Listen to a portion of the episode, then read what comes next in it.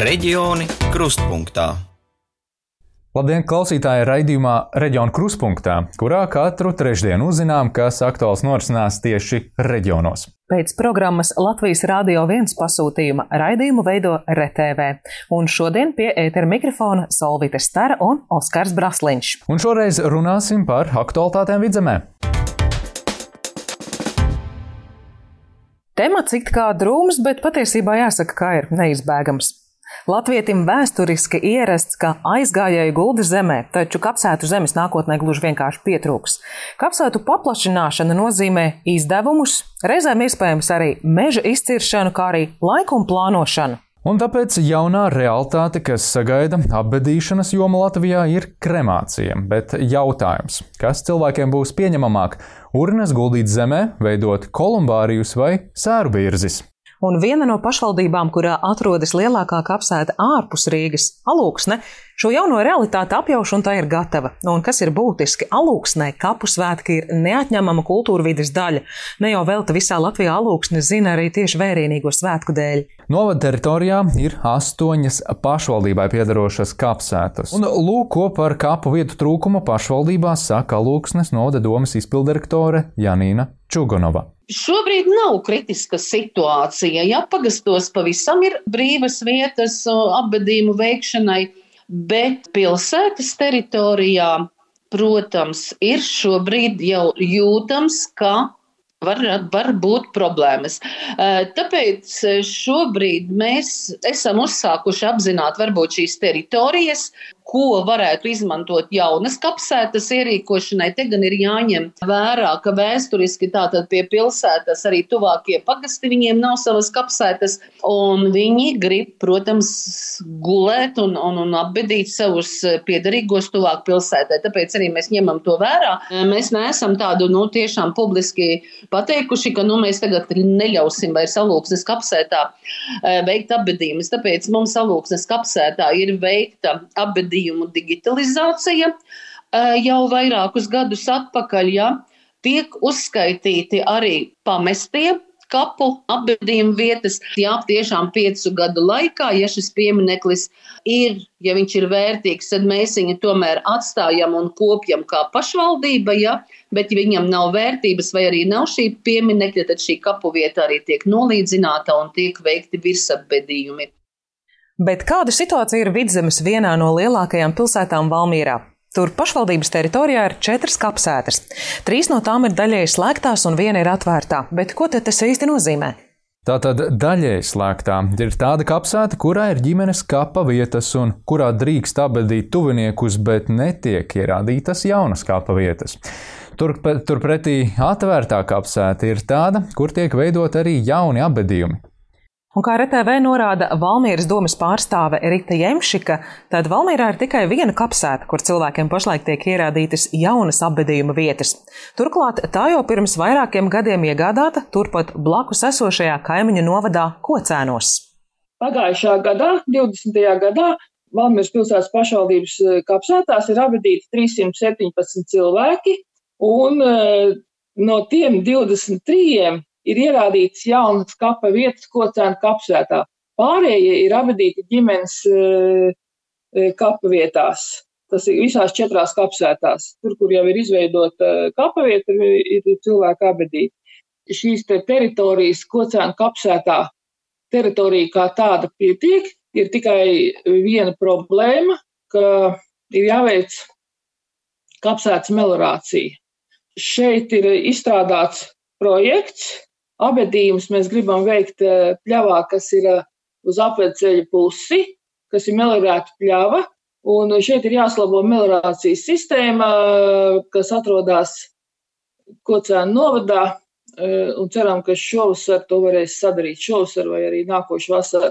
Gruntsūdeņu līmenis tiks pazemināts, un līdz ar to būs arī atbilstošāk nosacījumiem šī abedīšanas iespēja.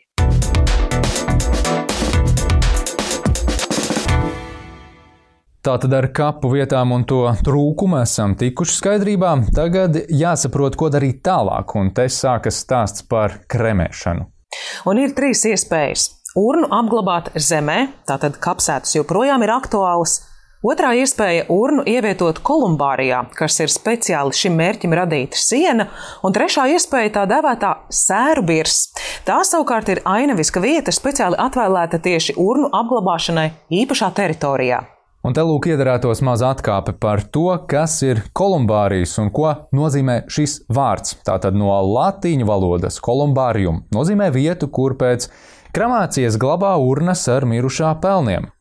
Latvijā presē jau agrāk ir mēģinājuši izteikties valodnieki, piedāvājot kādu no mūsu tautai saprotamākajiem nosaukumiem kolumbārija vietā, piemēram, ugunskapis, pelnu kapsēta vai sēru birs pelniem.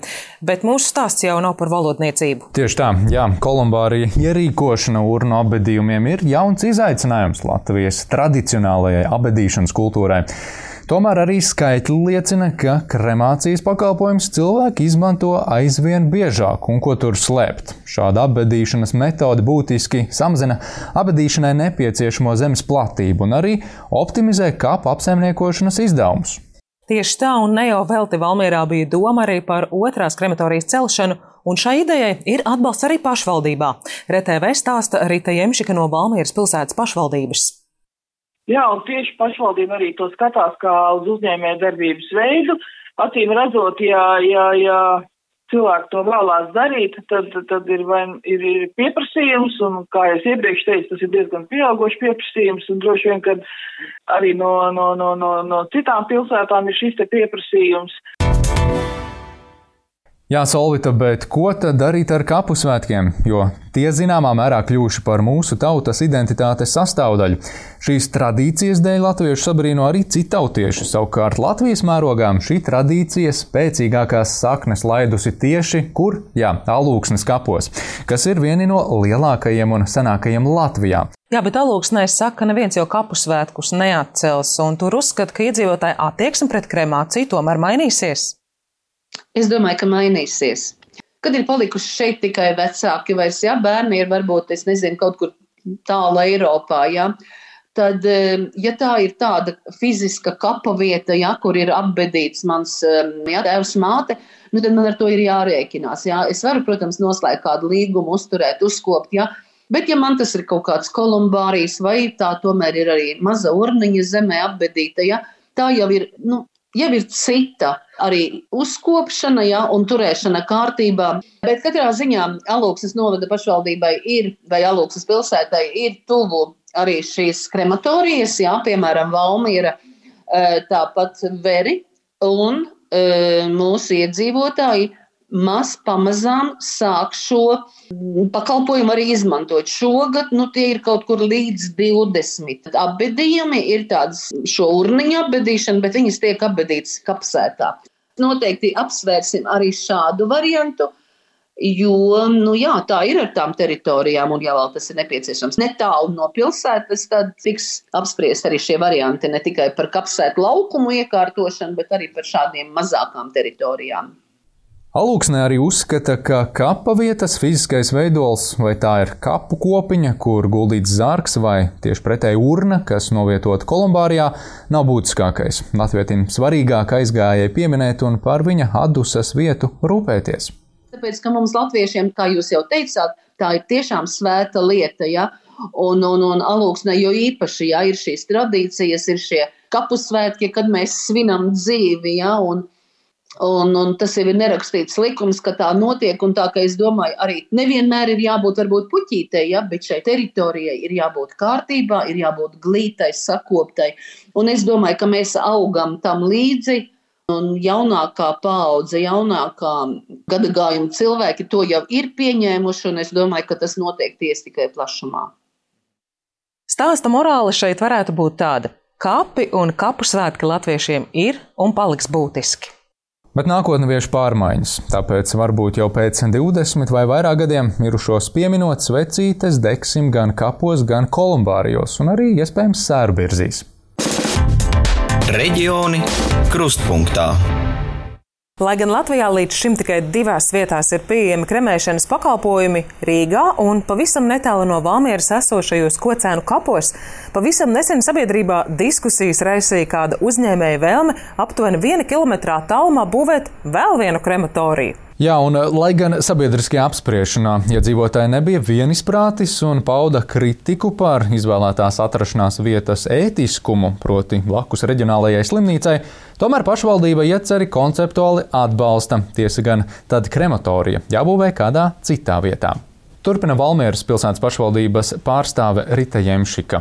Tad, kad bija šī apspriede par eh, šo krematorijas būvniecību netālu no slimnīcas, uh, pašvaldība ne īpaši apmierināja šī vietas izvēle. Es ceru, ka uh, sekmīgi nos, no, noslēgsies sarunas. Mēs piedāvājām citu vietu šim uzņēmējiem iznomāt zemi, pašvaldības zemi.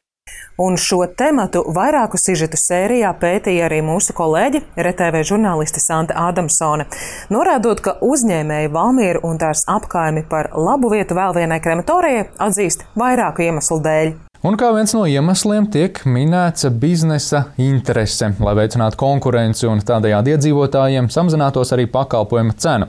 Otrs iemesls tiek minēts pilsētas patriotisms, proti veidot uzņēmumu savā pilsētā, bet Santa Adamsone, RTV žurnāliste, atklājusi vēl kādu iemeslu.